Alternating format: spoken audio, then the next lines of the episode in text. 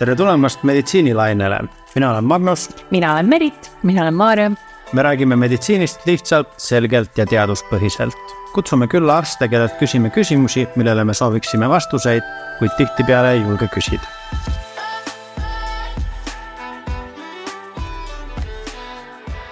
tänases saates räägime hambaarst Kadri Sooga hambahügieenist millist hambaharja peaks valima, kui tihti hambaarsti juures võiks käia ning kas hammaste valgendamine on okei okay või mitte? hüppame jälle meditsiinilainele ja täna on meil siin stuudios hambaarst Kadri Soo, tere Kadri. tere, tere minu poolt ka. ja alustame hambateemadest äh, kohe hommikust pihta, millal peaks äh, hambaid pesema, kas hommikuti enne või pärast söömist? No meie ikkagi soovitame pesta need hambad kohe hommikul enne söömist ära. muidugi oluline on see, et need üldse saaksid pestud, aga mm., aga kui juba me sellele küsimusele niimoodi lähenemine, siis läheneme siis ikkagi enne, enne sööki. seda sellepärast, et pärast sööki toimub happerünnak suus ja see happerünnak kestab kuskil kakskümmend, kolmkümmend minutit. ehk siis, kui tahta neid hambaid pesta pärast sööki, siis äh, peab varuma aega aga noh, hommikul ajaga on tõeli-, tõenäoliselt nagu kõigil kitsas, et siis pigem võiks selle toimingu teha ära kohe enne sööki. siis me peseme ära need äh, bakterid, kes seal öösel on paljunenud, me ei anna neile süüa juurde. peseme nad koheselt hammastelt ära. mina olen kuulnud ka just seda kahekümne, kolmekümne minuti seda akent ka, et kui ma pesen enne sööki, siis ma peaksin ootama veidi enne, kui ma hakkan sööma või jooma kuidas no, see on või seal ei ole nagu nii oluline see aeg? nii ei ole, nojah, selles mõttes, et kui me räägime nüüd hambapasta mõjust, siis ta võiks saada natuke aega mõjuda nendele hammastele, aga see, seal sellist konkreetset ajaakent ei ole mm, -hmm. tähtsam on ikkagi see, et kui me tahame pärast sööki pesta, siis me arvestame sellega, et see happerünnak kestab kuskil pool tundi mm. -hmm aga kas on siis mingeid äh, sööke, millega peaks äh, me kuidagi eriti tähelepanelikud olema, et kui ma söön mingit teatud sööki keset päeva, kas ma peaks kohe jooksma hambaid pesema? pigem niipidi ma ei võtaks, et äh, üleüldse söögiga on see, et äh, hambasõbralik toitumine on see, millest me räägime, see tähendab seda, et äh, päevas võiks olla kindlad toidukorrad. ehk siis, kui me sööme, siis pärast seda me peaksime andma oma hammastele puhkust, sest jällegi see happerünnak toimub ja selleks, et sülg saaks seda kõike seal neutraliseerida, siis on vaja aega aitab näiteks see, kui võtta pärast toidukorda lonks vett ja miks mitte siis äh, närida nätsu viis või kümme minutit või siis on olemas sellised ksülitooliga past-, pastillid, imemispastillid, mis ka väga hästi aitavad seda sülge toota ja seda suukeskkonda siis viia, viia sinnani, et see happerünnak saaks neutraliseeritud. kui pikk see vahe peaks nendel söögikordadel nüüd olema? põhitoidukordade vahe võiks olla ikkagi kolm tundi ehk siis äh, see hambasõbralik toitumine näeb ette kolm põhitoidukorda ja kaks vahepala. tihtipeale näiteks ülitooli pastillid on poodides alati mingite, ma ei tea, laste multika piltidega, aga täiskasvanud peaksid ka neid sööma samamoodi või võiksid äh, süüa? jah, et tegelikult need on kõigile väga kasulikud, et äh, oluline on jah see, et, et see tänapäeva toitumine on rohkem, inimestel on kogu aeg kiire, eks ole, siis me kogu aeg haarame ühe ampsu siit ja ühe ampsu mm -hmm. sealt, et tegelikult see on nagu kõige hambavaenulik, vaenulikum, et me pidevalt näksime. meil on pidevalt suus see happerünnak, see hape muudab meie hambapinnad tegelikult nõrgemaks ja nii võivad need hambaaugud ka palju kergemini tekkida mul tuli siinsamas nagu ka sa mainisid, et, et klaasi vett võiks ju, et kas, kas nagu söögi kõrvale see vesi on kõige parem jook siis nagu hammaste perspektiivist? söögi kõrvale tegelikult toidukorra kõrvale sa võid juua, no mis sa soovid, et see happerünnak toimub seal nii ehk, nii ehk naa, et. et see, see ei ole oluline, aga, aga oluline oleks jah, just see, et kui meil see toidukord on lõpetatud, et siis me võib-olla võtame selle lonksu vett, et saada veel need viimased toidupalad sealt suust siis äh, minema ja mm -hmm. neutraliseerida natukenegi seda keskkonda, et lastele tegelikult samamoodi, et ja söögi, alati anda vett juurde. söögikordade vahel ka samamoodi, et kui mul on janu, tarbin ikkagi. janujoogiks olgu täiesti puhas tavaline vesi, ilma mingite lisaaineteta, et äh, samamoodi need äh, maitsestatud veed, olgu seal sisse pandud vitamiine või mis iganes lisandeid, et need tegelikult kõik äh, on ikkagi ju süsivesikute baasil, et nad tekitavad ikkagi seda happerünnakut seal suus, et kõige parem on tavaline puhas vesi ja kui me mõtleme siis näiteks hambapastasid, siis äh, kuidas me neid peaks valima, poes on igasuguseid variante, kaheksakümnest hambaarstist soovitab, üheksa soovitab ja kõik, kõik soovitavad midagi, aga. ja siis sa lähed veel hambaarsti juurde, kus on siis nüüd. omalett. omalett veel, mis erineb äh, nii-öelda poeletist on ju, et kus nagu see tõde nüüd siis on?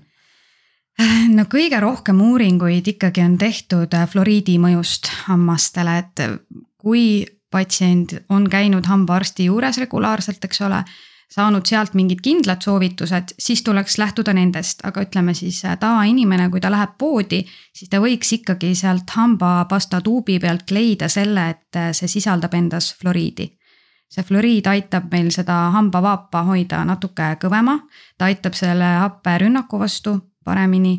Mm -hmm. ja neid hambaid siis kaitsta, et see fluoriidi sisaldus täiskasvanul võiks olla üle tuhande selle, sellise numbri võiks leida sealt pakendi pealt, et seal võiks olla vähemalt tuhat ppm-i fluoriidi. tuhat kuni tuhat viissada, et tuhat viissada on kõige suurema fluoriidisisaldusega, mis käsimüügis siis võib olla. seda võiks jah jälgida.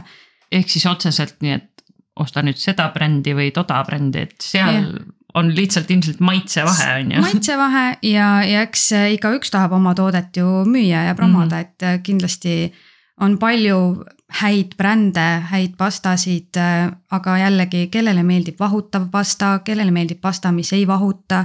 kellele meeldib pasta, millel on piparmündi maitse, teisele meeldib võib-olla maitsetu mm. -hmm. et neid, et selles mõttes seda valikut on, aga jah, üks oluline kriteerium on see, et see sisaldaks fluoriidi nüüd, kui on hambaarst andnud mingid kindlad soovitused, näiteks, et on seal igemetega mingi probleem, et siis saab juba sealt vastavalt lähtuda, kui on tundlikud hambakaelad näiteks inimestel, siis on ka tundlikkuse vastased pastad.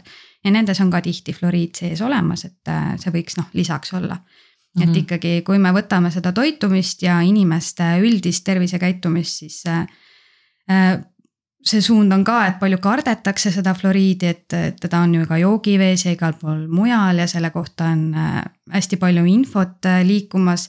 aga hambaarstid ikkagi soovitavad, et see fluoriid, mis meil on hambapastas, et see ongi meil mõeldud lokaalselt selleks, et need hambad äh, oleksid tervemad, me sülitame selle välja ja pärast hambapesu me siis suud enam veega ei tohiks loputada, et siis saab see toime ka sinna. ja see on see, mis mina just tahtsin küsida, et, et tihti on ju see, et pesed on ju hambad ära ja siis on nagu koolkond, kes loputab väga tugevalt veega oma suu veel puhtaks. ja siis on koolkond, kes lihtsalt nii-öelda peseb suu, aga et see hambapasta jääb suhu, et ma saan aru, et õigem on siis siiski mitte loputada, jah see on jah, selles mõttes parem, et siis äh, ikkagi see saab see hambapasta seal veel toimida, et see sa loputad selles mõttes, et sa pesed need hambad ära, sa ei jäta endale mingit äh, hambapasta vahtu suhu, vahtu suhu, sa sülitad selle kõik äh, välja, aga sa ei loputa nüüd eraldi veel veega seda suud veel äh, kümme korda seal puhtamaks, et las ta jääb nii, nagu ta on, ta paar minutit ilusti seal veel toimib ja see on nagu jah, kasulikum mm. -hmm. et uur, uuringuid on selle kohta palju tehtud, et see ikkagi nii võiks toimida, et siis on see hambaaukude teke, tekke tõenäosus väiksem hästi, meil on nüüd äh, hambapasta on valitud, peame tegema järgmise valiku, hakkama hambaharja endale valima. mis me peaksime selles arvesse võtma, kas peaks olema elektriline, mitte elektriline, milline võiks olla ja? no minu arust ikkagi see elektriline hambahari on päris geniaalne leiutis. Et äh, jah, on inimesi, kellele ta ei sobi aga seda siis ka selgitab ikkagi hambaarst näiteks välja, et kui tulebki patsient, kes on võib-olla väga endale hambaemaili ära nühkinud selle manuaalse pesemisega või liiga kõva hambaharjaga pesemisel. et sellisel juhul võib-olla see käsihambaari väga pehmete harjadega on tema jaoks parem. aga üldiselt katu eemaldamise efektiivsuse poolest elektriline hambaari on suurepärane abimees, et tihtipeale on meil see hammaste pesemine nii rutiinne tegevus, et me võib-olla ei mõtleme sada muud mõtet sellel ajal, kui me neid hambaid peseme. me tegelikult ei mõtle selle, et ahah, ma pesin nüüd siitpoolt, nüüd pesin siitpoolt nii, nüüd ma pesen siit keele poolt, nüüd ma pesen kindlasti siit ära, et tihtipeale on see ahah, siitpoolt ja sültan välja kõik mm. -hmm. et noh, tegelikult äh, me nii palju ei mõtle, et kui me selle elektrilise harjaga teeme, siis äh, teda me lihtsalt hoiame hamba peale ja liigutame noh, järgmise hamba peale järgmise, tema teeb oma töö, eks ole, ära. ja tihtipeale see katu eemaldamine saab palju parem kas selle elektrilise hambaharjaga on nagu ka see variant, et ma nühin liiga kõvasti või, või seal on, enamikel on vist need taimerid peal, eks ole, kaks minutit ta jääb seisma. ja, ja osadel on ka surveandur peal, et ta annab sulle tegelikult märku, kui sa liiga kõvasti vajutad selle kamba peale, siis ta nagu teeb mingit äh, vibratsiooni teistmoodi või mingi piiksu või midagi, et mis annab sulle nagu märku, et sa liiga kõvasti surud. et äh, jah, kui inimene on väga noh, nagu ma ütlen, rutiinitegevus, et see ümberõppimine on ka omamoodi oskus, et sa pead os- siis nagu harjutama ennast ümber, et elektrilise harjaga sa ise seda harja ei liiguta, vaid selles mõttes liigutad ühe hamba pealt teise peale, aga sa ei nühi siis või ei tee siukseid ringeid liigutusi, tema teeb oma liigutused ise, sina lihtsalt viita hoiad, hoiad teda ühe ja vi- liigutad siis nii-öelda mööda hambakaari ja mööda hambapindu. aga kuidas selle pikkusega on, kui ma lasen kaks, kolm, neli tsüklit? noh, ütleme nii, et äh, oluline on see, et need hambad saaks puhtaks, et äh, see kaks minutit on selline kuldstandard, mõnel kulub rohkem Mhm. aega tegelikult, et ta tunneks, et tal on kõik hambad äh, puhtad, ta panebki kaks režiimi järjest. teine on äh, nii vilunud, tal on võib-olla seal ligipääs parem, eks ole, hammaste asetus on äh, parem, ta saab need hambad puhtaks. kui sa lõpetad hambapesu, tõmbad keelega üle hammaste, sa peaks tundma, et äh, kõik on sile, seal ei ole krobeline. Et- hakkasin kohe katsuma sa ütlesid, et, et midagi võid maha nühkida, mis, mis, mis see oli täpselt?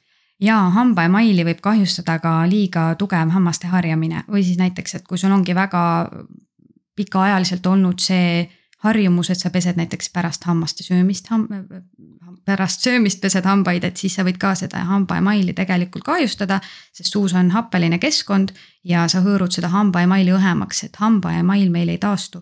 See ongi kindla paksusega ja elu jooksul ta kulub, kulumine on normaalne, aga liigne kulumine, näiteks siis liiga kõva hambaharja kasutamine või liiga vale harjamistehnika, harjad sa vale nurga all või liiga kõvasti neid igemeservasid, et sealt tihtipeale kipub see hambaemail siis kuluma liiga õhukeseks ja hambad võivad muutuda tundlikuks. ja see kaitseb siis hambaid äh, mingit moodi?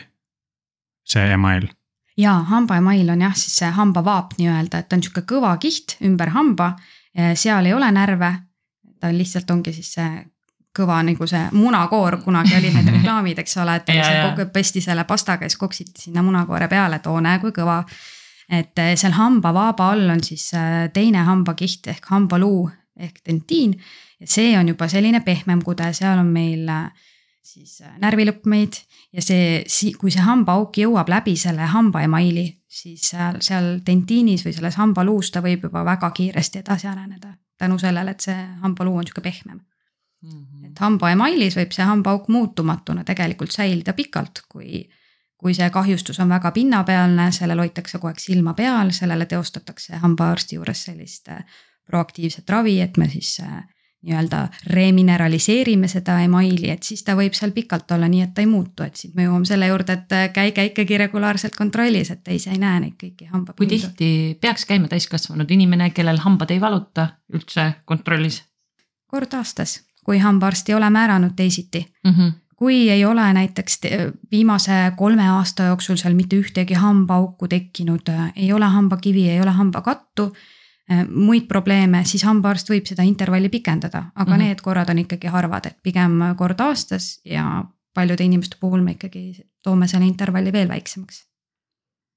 Aga kui me tuleme nüüd tagasi nende hambaharjade juurde, siis on müügil igasuguseid erinevaid, ühed äh, pöörlevad ja teised vibreerivad ja teevad ma ei tea mis trikke, siis millist me peaks helistama?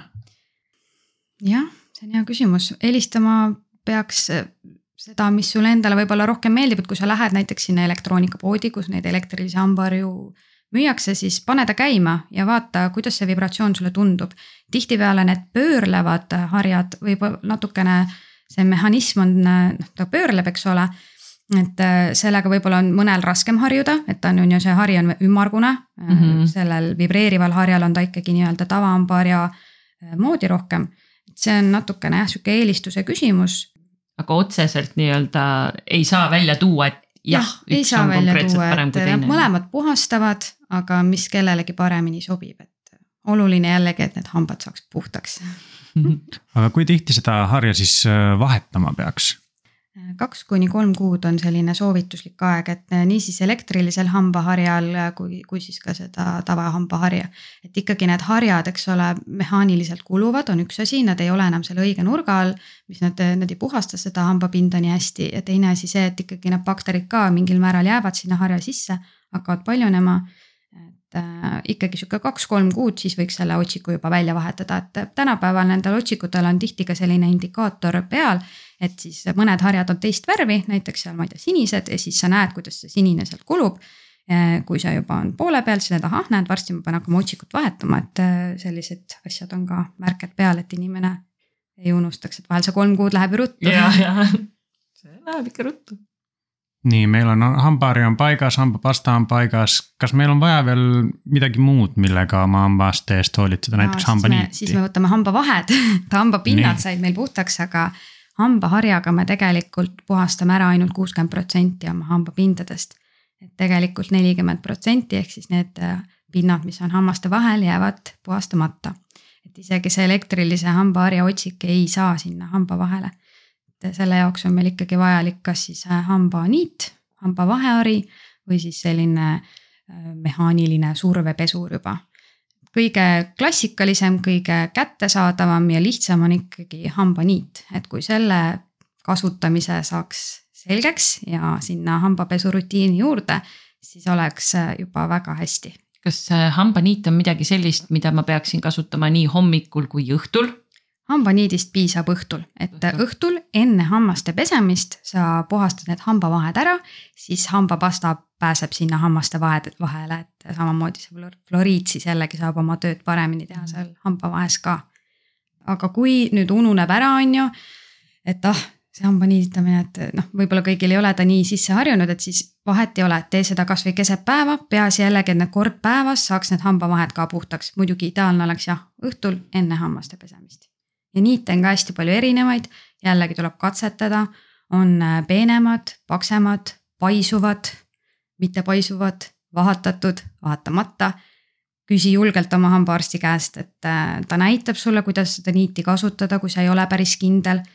ja teine asi, et kui me nüüd hambaniiti hakkame kasutama, siis võib märgata esialgu veritsust sealt hammaste vahelt, et äh, veritsus on siis põletiku tunnus, et seda ei tasu karta see peaks mööduma regulaarsel kasutamisel kuskil nädala või paariga. kui ei taandu see veritsus, siis ikkagi hambaarsti juurde võib tegemist olla igemepõletikuga. ja siis veel küsimus suuvee kohta, mulle tundub, et palju on erinevat informatsiooni, osad väga soovitavad, osad ei soovita. mis sina arvad? kui nüüd inimene puhastab oma hambaid regulaarselt kaks korda päevas ja ta teeb äh, hambavahed ka veel õhtul puhtaks ja tal ei ole hamba või suuhaigusi, siis tegelikult ei ole see suuvee kasutamine näidustatud. sa võid seda teha, kui sa tahad lisavärskendust, see sulle meeldib, et suus on värske näiteks, et kui sa pesedki hommikul enne sööki hambad ära, võib-olla sa tahad veel pärast sööki korra selle suuveega loputada, et sa tunned ise, et see on, kõik on värskem ja parem et suuveed siis jagunevadki kosmeetilised suuveed ehk siis need värskendavad piparmündi maitsega suuveed ja terapeutilised suuveed. terapeutilisi me kasutame siis äh, toetavaks raviks mitmete suuhaiguste korral ja mm -hmm. seda siis soovitab hambaarst. näiteks siis, äh, kui on suus aftid tihti, et. Äh, mis see on? aftid on sellised äh, suulimaskeste haavandid mm. -hmm. et selliste puhul see suuvesi aitab siin neil kiiremini paraneda. teine igemepõletik, toetavaks raviks on spetsiaalsed suuveed, kus on näiteks kloorheksidiin sees, mis aitab nendel bakteritel ja seentel siis neid hävitada ja tihtipeale ka pärast hamba eemaldamist või implantaadi paigaldamist soovitatakse kasutada seda kloorheksidiini sisaldavat suuvett. ja vahele võib siis ka hambaarst soovitada nendel patsientidel, kellel on selline väga tihti tekivad hambaaugud, et lisaks veel siis ka fluoriidiga suuvett kasutada. või suukuivuse korral, et paljud ravimid näiteks põhjustavad suukuivust või seal võib muid põhjuseid olla, et siis sellest võib abi olla. aga see on jah, kõik selline juba, et hambaarst siis soovitab vastavalt patsiendile, et näed, et sa võiksid kasutada, et või siis ka tundlikud hambakaelad, et on siis olemas lisaks tundlikele hammastele mõeldud pastadele ka sellised suuveed, mis natuke leevendavad seda tundlikkust sa mainisid siin vahepeal, et need, rääkisime natuke nendest ksülitoli pastillidest, aga samas meile reklaamitakse võib-olla isegi rohkem äh, nätsu. kas, äh, kuidas need nagu võrduvad, et kas võib mõlemat võtta või alati pärast sööki see näts, nagu meile reklaamitakse või kuidas sellega on? nätsu tegelikult on ka ksülitooliga, et äh, näiteks jenkinätsud ja neid on nüüd tuleb järjest juurde, et äh, nätsu puhul on jällegi see efekt, et ta tekitab seda sülge juurde ja ta aitab seda happerünnakut siis äh, neutraliseerida. nätsu puhul peaks silmas pidama seda, et sa ei näri seda liiga kaua, et siis, kui maitse läheb nätsul ära, siis võiks selle nätsuga suust välja lülitada, et ksülitooli puhul paljud inimesed ei armasta seda ksülitooliga nätsu sellepärast, et sellele läheb maitse väga kiiresti ära. see on põhjusega jah, et siis peaks selle nätsu suust ära võtma, et kui me liiga kaua seda nätsu närime, siis me koormame tegelikult oma lõualiigest ja mälumislihaseid, et. et kui tahta jah, seda, ta on hea asi, aga jällegi kasutada võiks nii, et närid ära, viis minutit, kümme minutit, viskad ära. mul tuli meelde veel selline küsimus, et, et kui ma olen äh, tulemas sinna oma iga-aastasesse kontrolli hambaarsti juurde, et mida ma peaks nagu enne seda meeles pidama, ma kujutan ette, et päris paljud on muidu võib-olla vahepeal on suht laisad oma hambapesuga ja siis äh, kolm päeva enne hambaarsti juurde minekut hullult nühivad nagu. et kas sellest on kasu või, või näed sa sellest läbi nii-öelda ähm,? Oluline on ju see, et kui sa tuled visiidile, et äh, sa oled aus selles mõttes, et äh, puhasta ikkagi hambad ära, mul on kergem neid üle vaadata, eks ole, ma saan tuvastada neid probleeme ja defekte ikkagi puhastelt hammastelt paremini aga siis äh, räägimegi läbi, et noh, et miks siis on niimoodi, et oled natuke laisk ja et kuidas saaks nagu efektiivsemaks seda asja muuta, on ju, et ongi, et kas vahetada näiteks käsihambari elektrilise vastu. Kui see niititamine ei edene, no siis lähme selle survepesuri juurde, sellest meil vist jäi ka rääkimata enne, et tegelikult see elektriline hamma, hambavahede puhastaja on selles mõttes jällegi kiire elutempoga inimestel, ta aitab need hambavahed saada päris puhtaks. ta ei mhm. asenda hambaniiti aga paljudel juhtudel temast on väga suur abi. See on selle moodsa nimega see. irrigaator. ja kus selliseid asju saab? Neid saab ka samamoodi siis elektroonikapoodidest, siis on igasugused internetipoed, mis müüvad siis ka elektrilise hambaharju, et need on sinna ka juba lisandunud mm. -hmm. et hambaarst jälle siis soovitab sulle seda, et kui, kui sa juba hambaniidiga nii-öelda oled sõber, siis ma arvan, et lisaks ei ole vaja seda hambavahede puhastajad, kui sul just ei ole sellised hambavahed, kuhu see toit väga jääb kinni, et kui need hambavahed muutuvad suuremaks, siis kas siis igemapõletiku tõttu või vanusega või muudel põhjustel, siis võib-olla hambaniidist jääb väheks, et siis ongi kas hambavahehari lisaks või siis äh, survepesur. Kõlab väga põnevalt, see hammaste survepesu. jah, et sellega peab ka harjuma, et ta on alguses päris võõras ja kõigile ta ei sobi, et see vajab jälle harjutamist, et nagu see elektriline hambahari, et kõik ei harju temaga ära, siis siis, siis saab teisi alternatiive proovida, aga noh, ta on jällegi, eks ole, seal ta ei ole nii-öelda kõige odavam lahendus, et selles mõttes ta, temast on palju abi, aga ta ei ole kõigil kättesaadav, et hambaniit ja hambavahehari on sellised asjad, mis ikkagi enamus inimesi saab endale lubada, et mm. -hmm. ja nad on mhm. ka olemas nii tavamüügis kui apteegis, et leiatad kergesti ja saad proovida ja katsetada, mis sulle sobib mul tuli meelde veel üks äh, võib-olla natuke loll küsimus, äh, kui pesed tavalise survepesuriga terrassi liiga lähedalt, siis äh, tõmbad sealt selle värvi või mille iganes pealt ära, siis kas selle hammaste survepesuriga ei ole seda riski, et selle emaili tõmbad pealt ära? üldiselt need sätted on seal ikkagi jah, see niimoodi, niimoodi disainitud ja toodetud, et need surved on kõik mõõdetud ja, ja tehtud nii, et. lubatud piiris. lubatud piires jah hästi mina olen vähemalt saanud palju targemaks. kas sul tuleb veel midagi meelde, mida sa sooviksid lisada, et võib-olla meie kuulajad saaksid ka sinu elu lihtsamaks teha?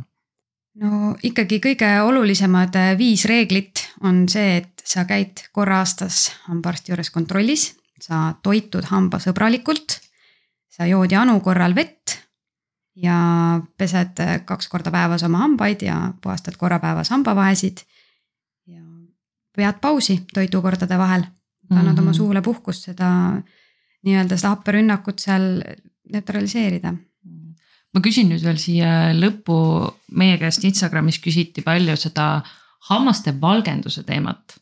et jah, ma saan aru, see on selline ilu nii-öelda protseduur natukene vist aga just, et mida nagu tähele panna selle puhul, kui ma ikkagi sooviks oma hambaid kuidagi valgendada, on erinevaid variante, mida ma saan kodus teha, on teenusepakkujaid mis nagu on need asjad, mida ma jälgima kindlasti peaksin ja kas üldse on see soovitatav?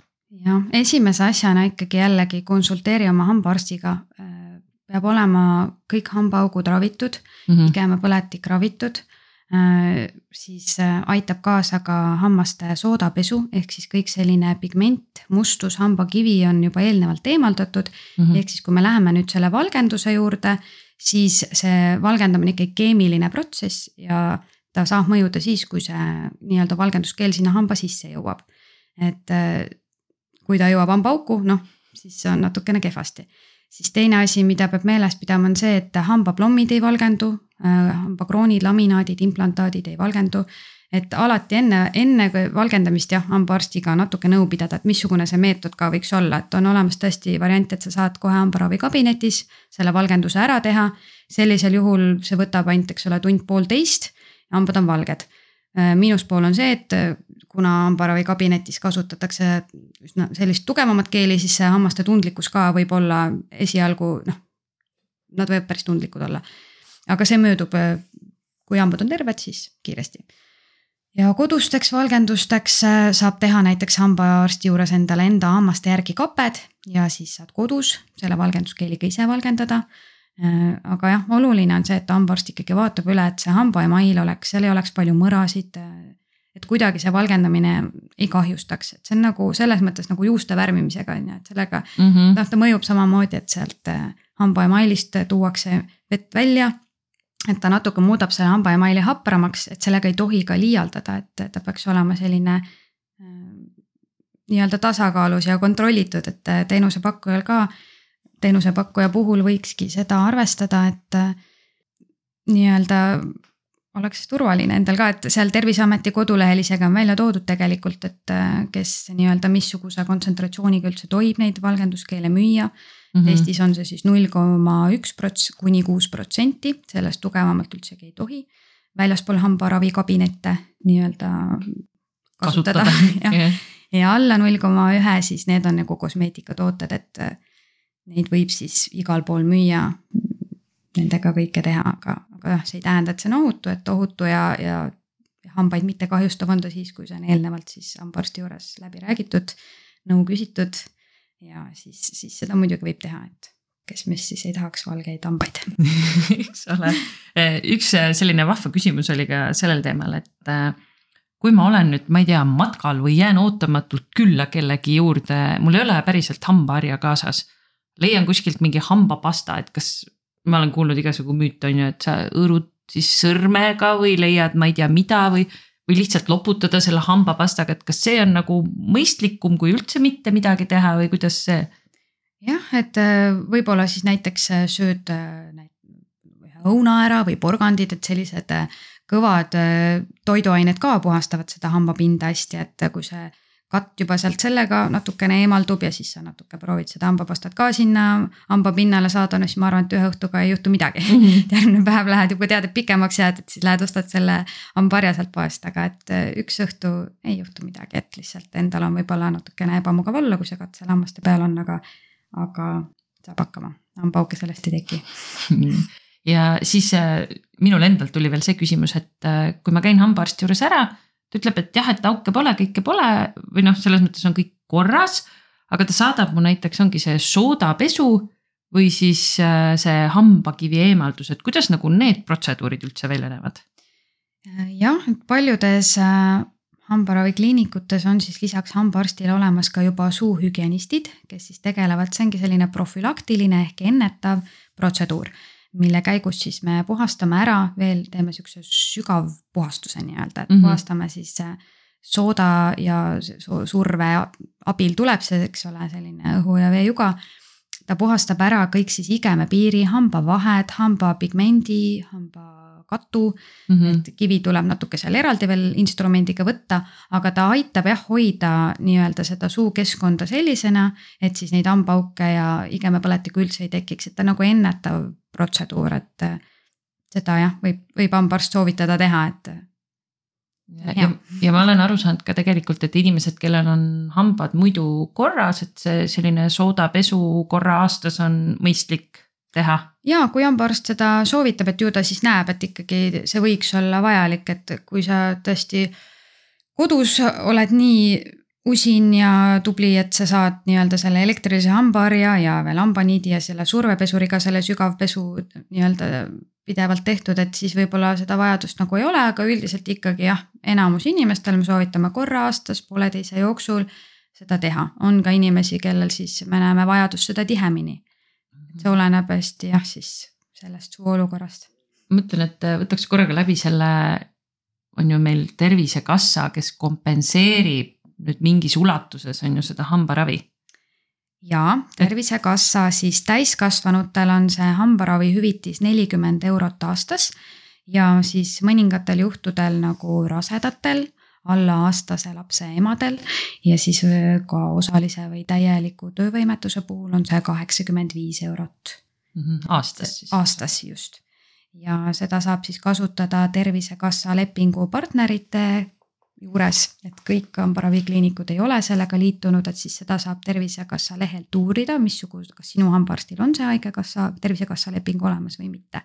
Aga jah, et see nelikümmend eurot on täpselt selline summa, et ta, kui inimene iga aasta regulaarselt käib kontrollis, siis see katabki selle ära, et vaadatakse hambad üle, vajadusel natukene hambakivi võetakse.